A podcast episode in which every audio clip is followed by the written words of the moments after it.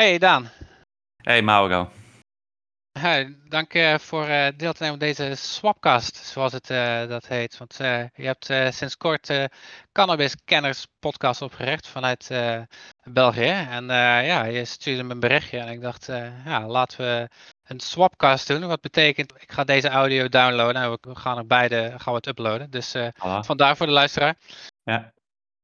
Um, ja, misschien ook een goede uh, om, om eens uh, direct jou juist te vragen. Hoe komt het dat je met deze podcast bent begonnen? Uh, maar zijn, de twee voornaamste redenen zijn enerzijds um, ehm, 24 februari 2021 bestond de Belgische drugswet 100 jaar. Um, dat is ongelooflijk. Het is een drugswet die 100 jaar geleden is ingevoerd en waar eigenlijk sindsdien in de voorbije jaren bijna geen aanpassingen zijn aan doorgevoerd. Een klein aantal wijzigingen begin jaren 2000, maar voor de rest is het nog altijd hetzelfde als in 1921. Dat was de eerste reden. Uh, de tweede reden was um, omdat ik merkte dat er internationaal heel veel gaande is. Uh, dat weet jij ook. Uh, in Amerika, Canada legaal, Uruguay, Luxemburg wil legaliseren. Ik noem maar een paar dingen op. En ik merkte ook dat er in de Belgische media weinig tot geen aandacht aan wordt besteed. Uh, en dan ben ik eens gaan kijken, hoe komt dat? En dan merkte ik dat vooral in de media en in de politiek het onderwerp heel eenzijdig wordt benaderd. Um, cannabis wordt nog altijd gezien als enkel de drug. Terwijl dat er aan die plant heel veel andere zaken verbonden zijn. En dat ook in België uh, cannabis wordt gerekend als drugs. Terwijl drugs, ja, het is zoals sporten. Ja, wat, is drugs? En die nuance merkte ik dat heel weinig wordt gemaakt in de media. En dat er heel weinig journalisten zijn die er eigenlijk iets van kennen. Waardoor dat ze een debat of een, een, een politicus heel moeilijk daarover kunnen bevragen. De enige die echt er iets van kent in België, journalist, is Karel Michiels. Blunt. Daar stopt ja, die, eh, die, die ken ik ook. Uh, ja. Heel, helemaal van zijn uitstekende stuk destijds toen het over de wietpas ging. En hij een opiniestuk schreef, wat in de, volgens mij was het de NRC-krant was gepubliceerd. Ja, ja hij schreef toch wel vaker opiniestukken op dat vlak, ja. Ja, dat, dat, dat was uitstekend. Uh, met in de trant van, ja, ik, eens in de zoveel tijd ga ik naar Amsterdam. Dan ga ik naar de musea. Dan ga ik kleren kopen. ga ik op het terrasje zitten en ik ga naar de coffeeshop. Waarom zou ik dat niet meer mogen doen in de toekomst? Ja. Uh, had hij een heel, heel, heel goed punt. Ja. Hij is ook, uh, als ik dan is een politicus, uh, bijvoorbeeld Bart de Wever, het onderwerp aankaart in, een, in, een, in een duidingsprogramma, actualiteitsprogramma, is, het, is Karel wel de eerste om in zijn pen te kruipen, om eigenlijk al die zaken die daar worden gezegd in dat debat te weerleggen en te zeggen van ja, kijk, dit, dit klopt niet, dit is ja, uit de lucht gegrepen of dit is gewoon ja, populistische uitspraken zonder enige fundering. Uh, en daarvoor eh, moeten wij als Belgen eigenlijk Karel heel dankbaar zijn. Zeker weten. De, de, een van de weinige personen die zich inderdaad durft uit te spreken op dit uh, gebied. En ja. met alle risico's van die natuurlijk in België. Uiteraard, zeker voor hem als journalist natuurlijk ook. Hè. Dat maakt het voor hem ook nog moeilijker. Ik heb ook met hem een interview gedaan, dat gaat ook bij ons op de site komen. Een uitgebreid interview waar hij ook zijn visie natuurlijk geeft op, op heel de toestand in België. Ah, top. Ja, en ik zag ook dat hij zich had uh, aangemeld, evenals een heleboel andere Belgen op uh, Derksen oproep, om uh, ja, toch eens iets te gaan organiseren voor onze zuiderburen. En dat we toch, waar we kunnen, het een klein beetje kunnen sturen. Dus, ja, ik, in dat opzicht, dat is wat ik dus ook als, als tweede punt aanhaalde. Ik denk dat nu de moment rijp is. er gebeurt heel veel in de landen rondom ons. Eh, zoals jij beter weet dan ik, in Nederland is de wietproef uh, is een poging om ook die achterdeur te legaliseren. Luxemburg legaliseren. Uiteindelijk gaan we allemaal omringd zijn door landen waar het legaal is. En het gaat typisch op zijn Belgisch zijn. Op het moment dat het te laat is, gaan ze nadenken. In plaats van nu al na te denken over wat over twee, drie jaar op ons gaat afkomen. Punt. Ja. Maar ik denk ook dat het politiek, zeker in België, is toch gewoon een van de grootste problemen is eigenlijk dat, dat de NVA eigenlijk gewoon te veel macht en te groot is. Ja, het, het, het is zo dat, dat de N-VA is, is de grootste partij in Vlaanderen en samen met Vlaams Belang zijn zij heel hard gekampt tegen een, een, een legalisering en regulering van cannabis. De andere partijen zijn wel voorstander, maar het, het, het is heel moeilijk. Die partijen moeten nog x aantal jaar samen door één deur. En het is een heikel punt om hier in België het, het debat rond cannabis te voeren. Um, uit de interviews die ik al gedaan heb met mensen is, blijkt heel duidelijk dat er in België heel snel moraliserend wordt gepraat over het, het drugsdebat in het algemeen. Um, men kijkt niet naar de resultaten. Um, ik denk dat Paul de Grauw was die tegen mij zei, zei van ja, we moeten niet gaan we moeten gaan naar de moraliteit van de resultaten en niet naar de moraliteit van de goede bedoelingen. En dat is iets wat in België heel snel in debatten naar boven komt. Hè. Kijk van, ja, we willen onze jongen toch niet aan de drugs brengen. We geven een verkeerd signaal aan de jongen door te legaliseren en te reguleren. Maar men beseft te weinig dat de jongeren nu ook al aan die drugs kunnen geraken. Hè. In de debatten gaat ook die vraag, wordt daar ook heel vaak fout gesteld. Hè. De vraag wordt gesteld, uh, wilt u dat, u dat uw dochter, zoon of dochter cannabis gebruikt? Dat is een verkeerde vraag. Hè? Je moet de vraag stellen: stel dat uw dochter of zoon cannabis gebruikt, wilt u dat u bij een dealer koopt of bij een, een, een legale winkel? Punt.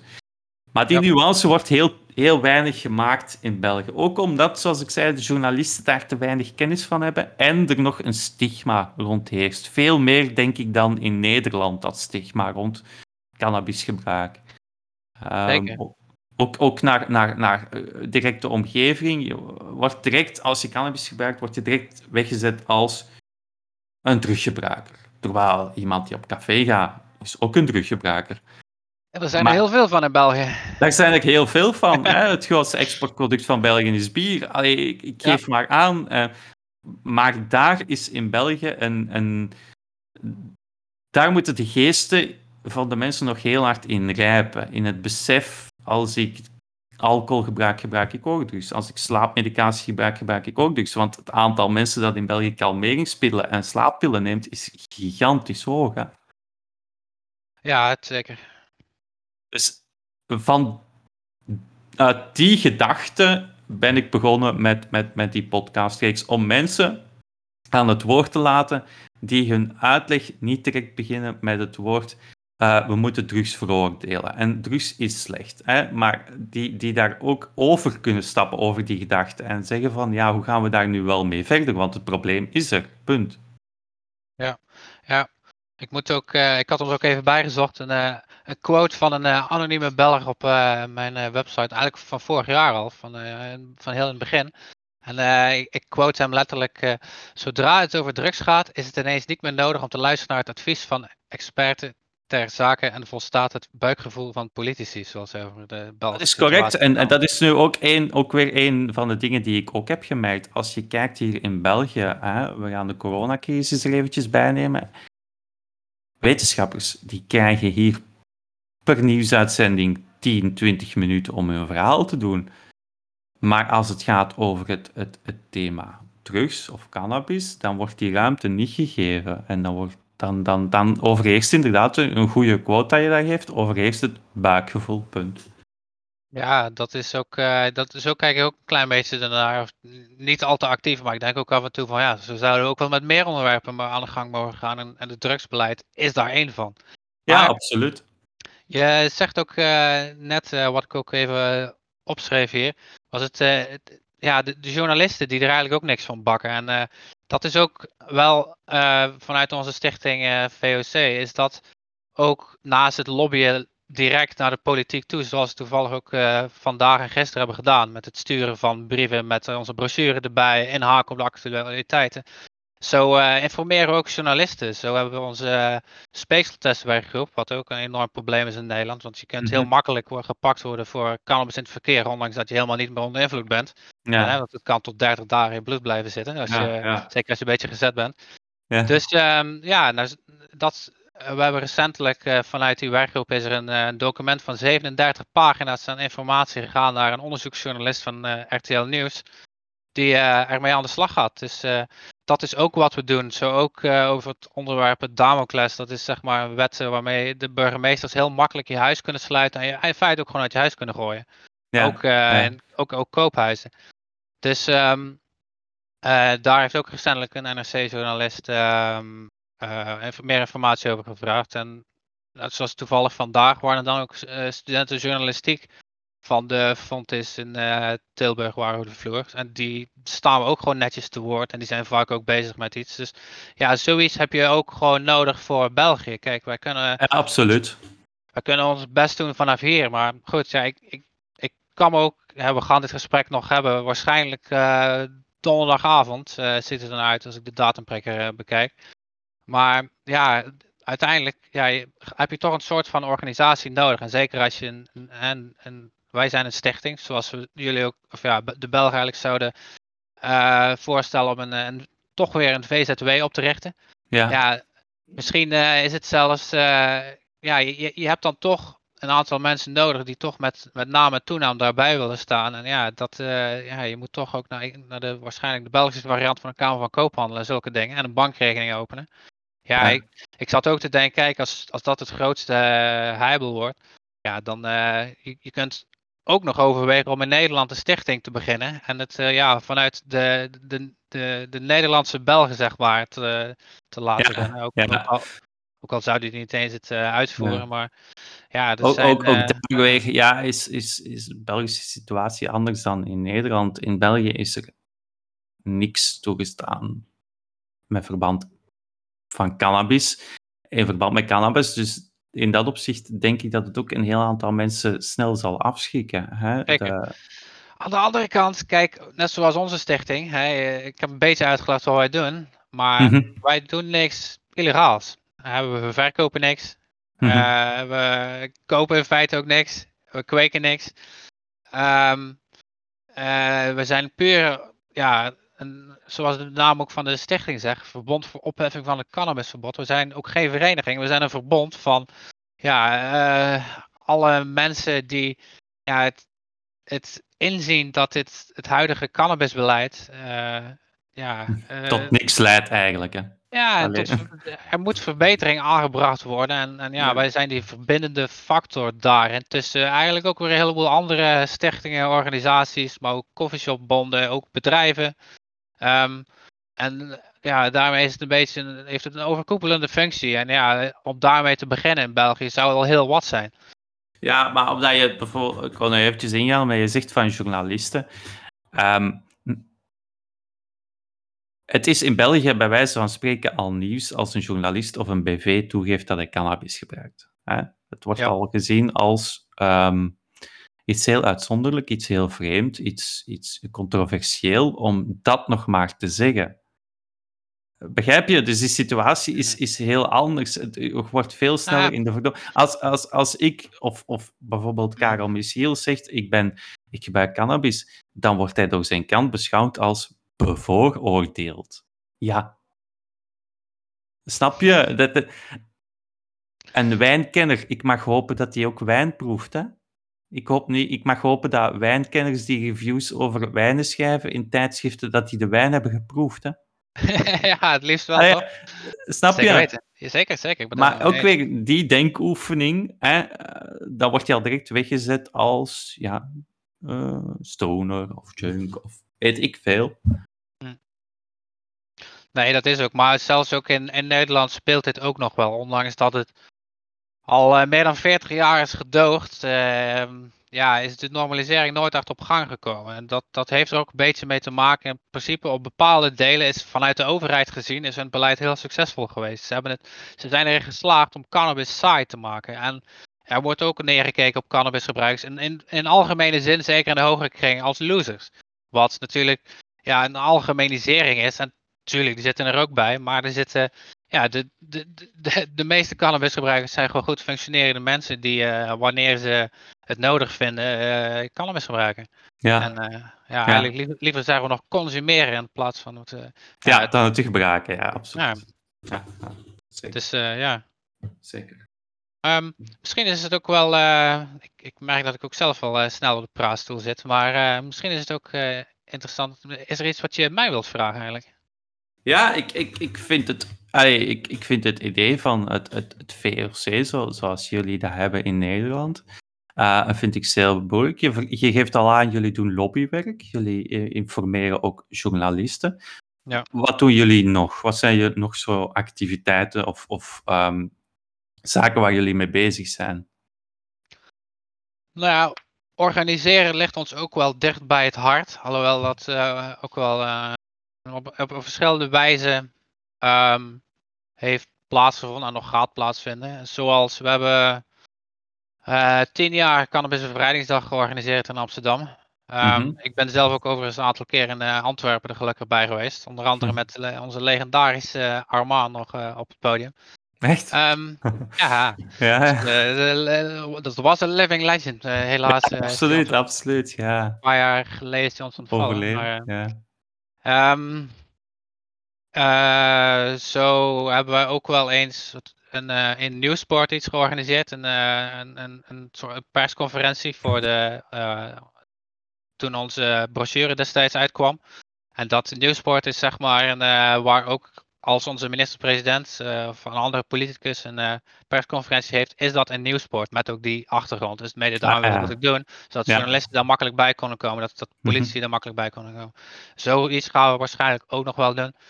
Um, ja, naast dat we natuurlijk onze sociale media vrij actief zijn, um, ja, uh, organiseren we maandelijks een, uh, een, openbare vergadering waar iedere sympathisant en geïnteresseerde, geïnteresseerde welkom is. Dat doen we sinds uh, de coronacrisis natuurlijk digitaal. Mm -hmm, mm -hmm. via Discord. hoe je dat doet, vind je op de website.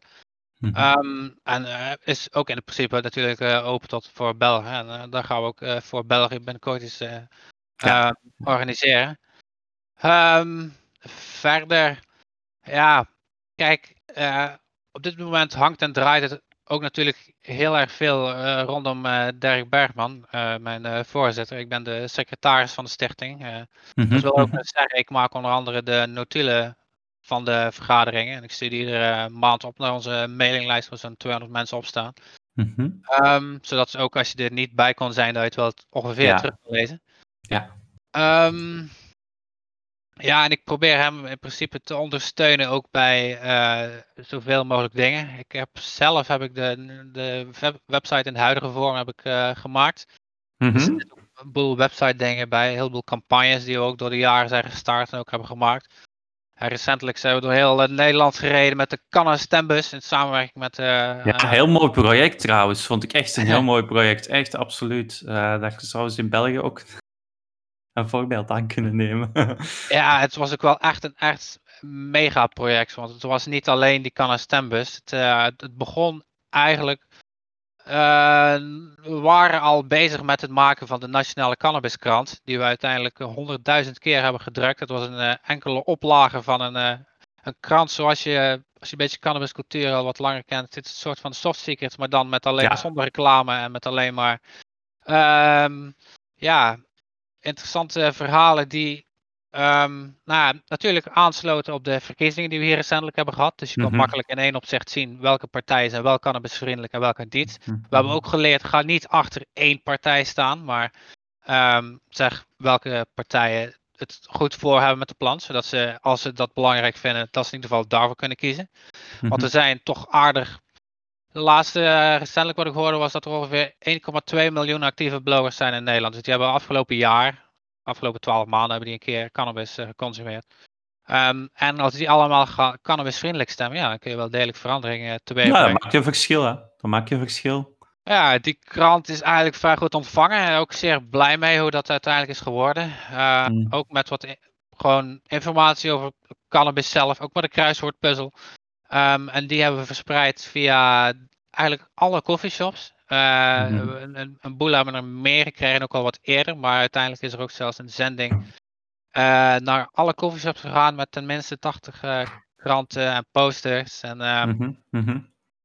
Um, ja. Dus dit, ja, dit was eigenlijk onze grootste verkiezingscampagne tot nu toe. Maar we hebben ook de website veiligthuiskweken.nl gebouwd. Um, om um, niet specifiek echt voor nieuwe uh, mensen die geïnteresseerd zijn in het kweken van wiet uh, dat te leren. Maar het is vooral ook om naar die website te kunnen linken naar, en hopen dat die erop komen, naar journalisten en uh, politici. Die zich, want in, in, Nederland wordt er vaak gesproken over, zeker de laatste tijd inderdaad, over het wiet-experiment. Het experiment gesloten coffeeshop zoals mm -hmm. het helemaal heet. Ja.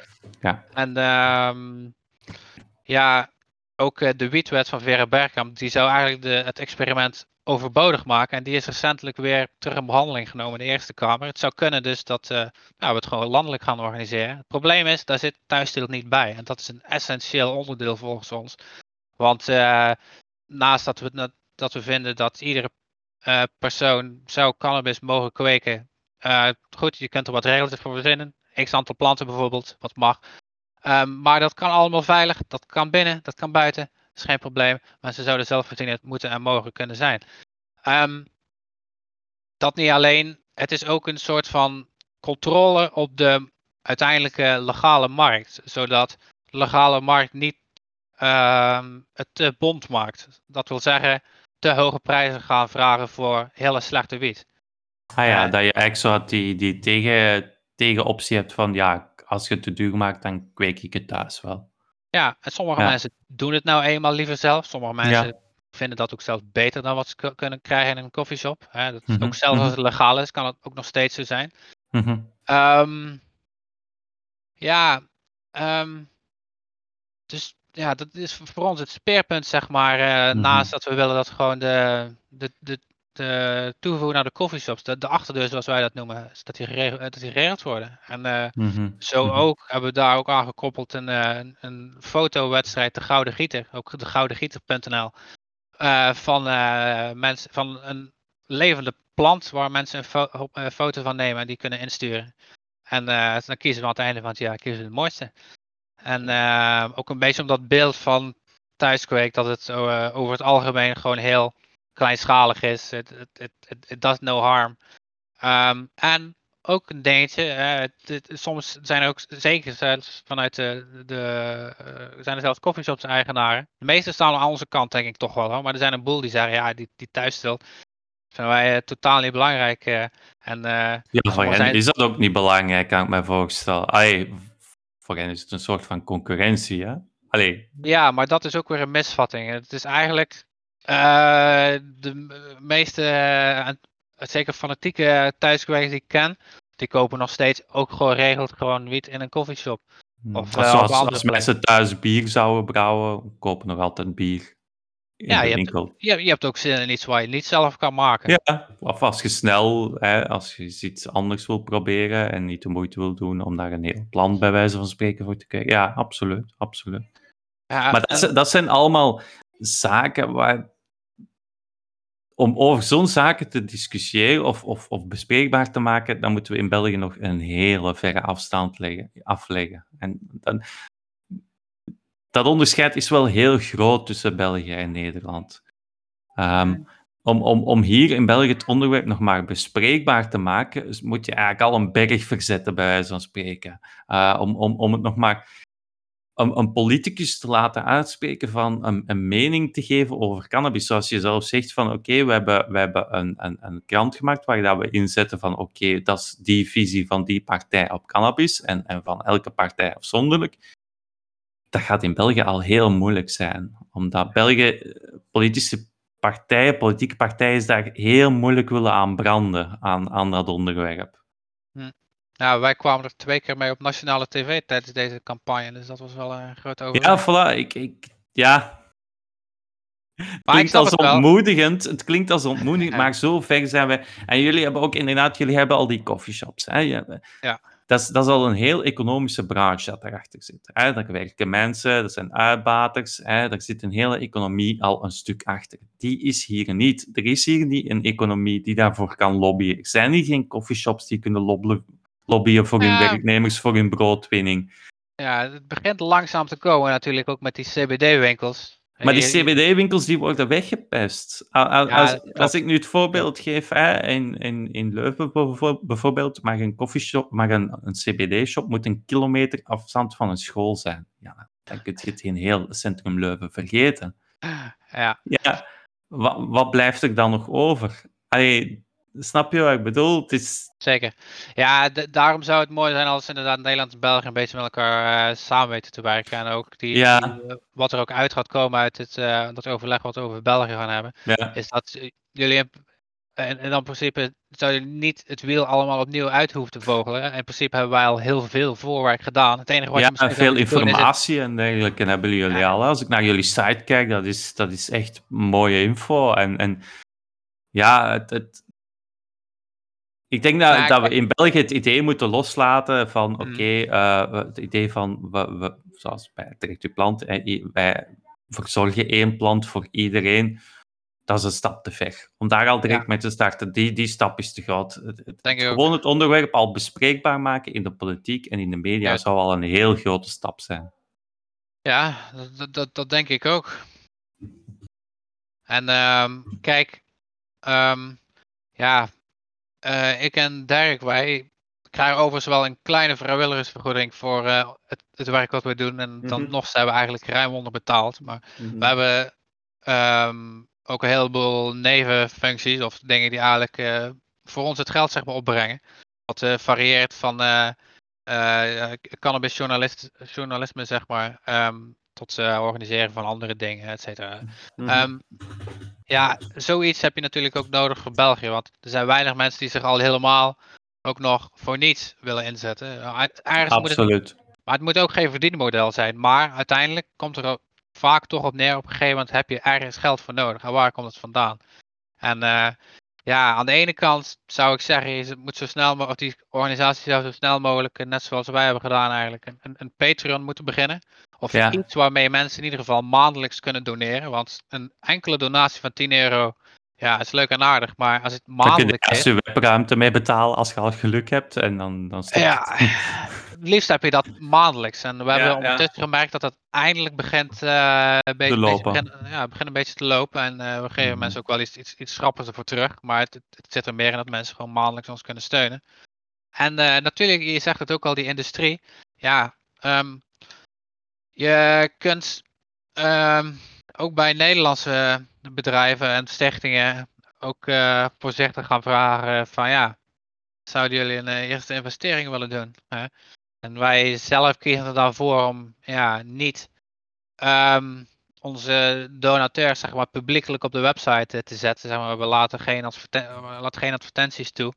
Hmm. Maar ja, ook weer, dat, dat is iets dat in België super gevoelig gaat liggen. Dat gaat heel Zeker. gevoelig liggen in België. Hè? Als, als je al zegt van oké, okay, uh, ik geef maar een voorbeeld, hè, laat je sponsoren door, door Azaris.nl of zo, hè, ik zeg maar iets. Ja, dan, dan word je in België al onmiddellijk weggezet als niet objectief. Juist. En dan, dan stopt het verhaal. Daar, daar is, is men in België heel, heel gevoelig aan. Er zijn een aantal thema's die in, in, in dit debat, hè, over het cannabisdebat in België, heel makkelijk worden opgevoerd. Hm. Het eerste en vaak gehoorde argument is van, kijk, we hebben al 700.000 alcoholverslaafden, moeten we daar nu cannabis nog bij nemen? Hè? Dat is ah, zo'n... Liever beter in de plaats. Ja, in de plaats. Hè? Maar dat wordt niet gezegd. Het zou, zou, beter zijn, maar dat is, dat is zo'n ja, ja, dooddoener die in debatten heel veel wordt gebruikt. En het tweede wat heel vaak wordt gebruikt is, er wordt verwezen naar de jeugd.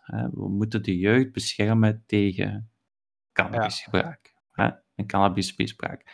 Dat zijn zo de, de grote argumenten die in België in dit debat naar boven worden gehaald, plus het, het, het feit van uh, psychoses en dergelijke. Dat zijn zo wat de dooddoeners. En, en journalisten hebben daar heel weinig weerwoord tegen. En, en, en ja, dat, dat maakt het heel moeilijk in België om, om daar een, een debat over te voeren. Die, die dooddoeners en, en mensen. En wat ook een verschil maakt, waardoor dat mensen er in België niet zo voor geëngageerd zijn, is omdat er heel veel door jongeren, maar ook door volwassenen wordt gedacht, België, in België cannabis is toch een beetje legaal, is toch een beetje gedoogd. Hè? Dus waarom zouden we ons nog engageren om het echt legaal te maken? Want ja, als we willen, kunnen we er toch. Snap je wat ik bedoel? Het, ja. het, het, het, het, is niet. het idee leeft van het is een beetje legaal, dus ja, waarom zouden we daar moeite voor doen om het nog, de status nog te verbeteren? Hè? Ja, daar hebben we in Nederland trouwens een, uh, inmiddels hebben we daar een naam voor, dat fenomeen. Dat heet uh, de wet van de remmende voorsprong. En bij ons geldt dat nog meer dan bij jullie, maar zoals ik het hoor, geldt dat deels ook bij jullie. Dat wil zeggen, uh, dat is eigenlijk het beste uit te leggen met een voorbeeld. Um, uh, nu heb je in iedere grote, helemaal westerse steden natuurlijk, heb je gewoon een, uh, een netwerk van straatlantaarns. En die werken op elektriciteit. hoe dat is opgewekt verder, dat, daar gaan we even niet over. Dat is weer een heel ander onderwerp. Maar um, Londen was een van de eerste steden die een netwerk had in de stad van straatlantaarns. Maar die werkt op gas. Nou, en dat werkte prima. Nou, Londen is dat een van de laatste westerse steden geweest die de, een elektrisch straatnet, een straatlantaarnnet, heeft ingevoerd. Want de wet van de remmende voorsprong. Het werkte, dus waarom zouden we dat moeten aanpassen? Waarom zouden we dat moeten verbeteren? Um, ja, de, consument weet ook niet wat hij koopt. Het is niet zoals in Nederland dat je een menu hebt bij een koffieshop. Um, het is gewoon maar kopen wat een dealer hmm. aan te bieden heeft. Um, en, en, en dat, dat maakt het moeilijk. Ja, klopt. Klopt. Toch wel. Maar ook weer. Hier in Nederland weten we er niet heel veel meer van. Want volgens onze uh, regeltjes mag je het ook niet testen. Je mag het niet testen op pesticiden. Je mag het niet testen op THC of CBD of terpene-inhoud. Dat mag niet volgens de wet. Je mag het niet verwerken. En als jij het goed wil testen, moet jij het, door middel van te testen, ben jij het aan het verwerken. Oh, dus je mag een, een, een coffeeshop koopt illegaal cannabis aan. Die, mag, die moet ook maar afgaan op het woord van de producent waar hij het van koopt, van dit is dat type, dit zijn de verhoudingen THC, CBD. Hij mag het niet testen, de coffeeshop-eigenaar. Nee, hij moet eigenlijk maar op de menu zetten wat, wat de persoon waar hij het van koopt zegt dat het is. Ja, en de coffeeshophouder kan uh, beslissen om het dan niet aan te nemen. Die kan uh, beslissen ja. van uh, dat het eigenlijk is het White Widow, maar hij schrijft het erop als NLX, want ja. dat verkoopt misschien goed. Dat, dat verkoopt beter. Dat gebeurt er ook.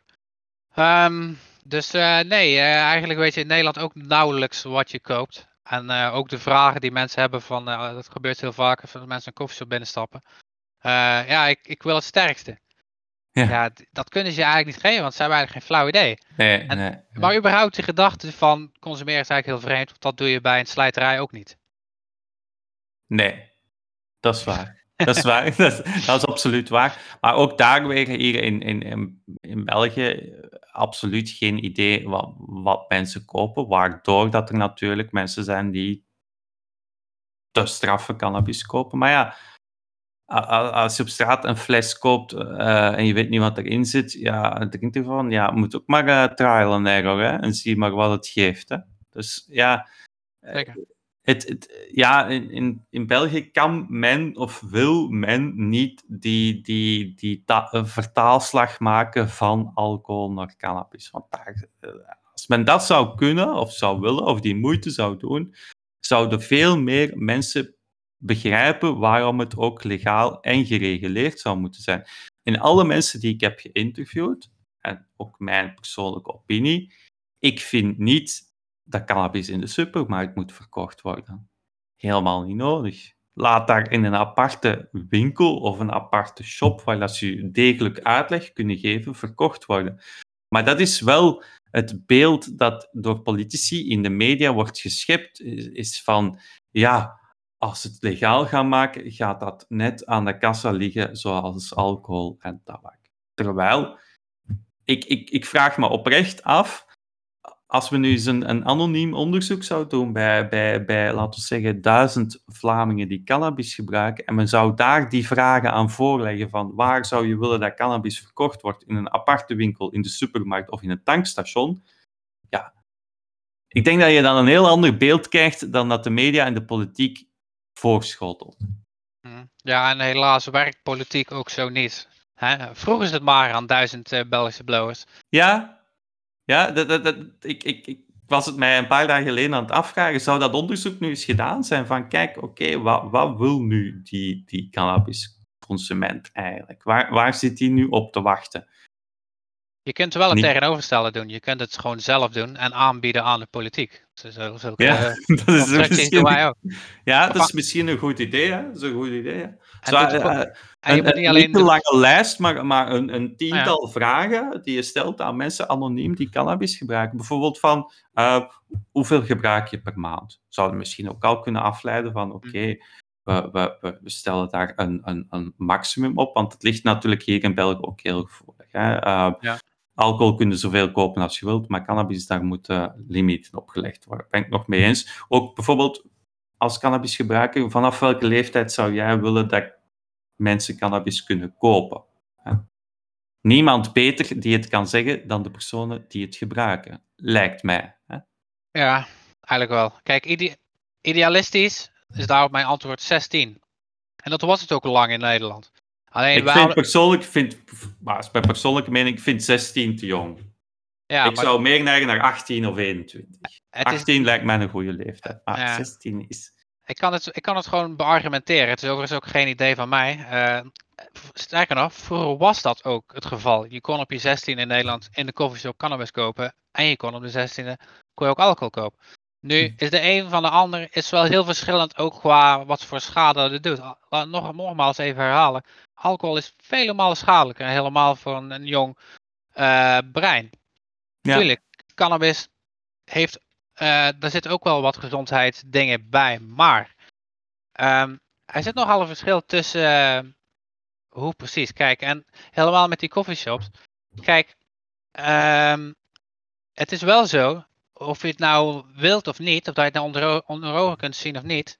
Jongeren gaan rond hun zestiende, soms zelfs al eerder, gaan ze experimenteren. Experimenteren met van alles. Met hun seksualiteit, maar ook met drugsgebruik, met Mhm, met eh, andere dingen. Ze interesseert zich misschien voor het eerst politiek. eh, mhm. of eh, beginnen activistisch bezig te zijn. Nou, goed. Die jeugd juist, die ja, het toch wel gaat doen. Kijk, je kunt wel zeggen, het mag niet. Houden het illegaal. Ze doen het toch. En ook al wordt het legaal, ze doen het toch. Dus wat is nou beter dan juist die groep ook gewoon in de coffeeshop te kunnen ontvangen? Te zeggen van, misschien zou je niet voor de sterkste wiet moeten gaan, maar de buitenwiet. Begin met iets eh, niet zo sterks. Ja. dus wel eh, zorg, heb je iets vergeten, eh Mhm. et cetera. En in de coffeeshop hou je automatisch, als, ook als klant zijnde, maar ook het personeel in feite, je, je houdt ook een beetje de klant in de gaten. Ja. Hè? En op, dat is ook veel beter. Kijk, een coffeeshop zal, ook al fout nu 16, maar in dit geval 18. Kijk, je kunt als onder de 18 in Nederland, kun je op dit moment niet co- eh, cannabis kopen in een coffeeshop. Die Mhm. coffeeshop, de meeste hebben gewoon een beveiliger voor de deur staan. En dan nog de mensen binnen anders, die zullen vragen, of moeten vragen eigenlijk naar je Ja, idee. identiteitskaart, ja. ja. En ehm, daarom ehm, werkt dat al sowieso een goede gatekeeper. Daarnaast zijn de regels ook zo streng op, kan- op eh, coffeeshops. Die mogen ook geen andere drugs verkopen. Dat is niet zo, net zoals bij een dealer waar je als 16-jarige naartoe gaat. En die, Die zegt van, van, ah, eh, nog een pil of, of weet ik hier, Ja, een de- ja. De wiet is op, maar eh, ja, misschien Ja. vind je dit wel leuk. Ja. En ehm, dat hebben we in Nederland. De scheiding der markten, zoals het zo mooi wordt genoemd, hebben we Mhm. wel. Mhm. Dus ehm, er zijn ook argumenten op dit gebied, maar ik weet ook dat het eh, controversieel ligt. Maar Zeker in België, zeker in België. Eh, eh, mijn, mijn idee is op dat vlak in België ga je denk ik enkel vooruitgang boeken op het vlak van regulering en legalisering van cannabis als je goed de risico's benadrukt. Snap je wat ik bedoel? Je moet dus een beetje de, de, risico's benadrukken, vooral hier in België dus, om, om, om, om iets of wat stappen in die richting te zetten, richting regulering, legalisering.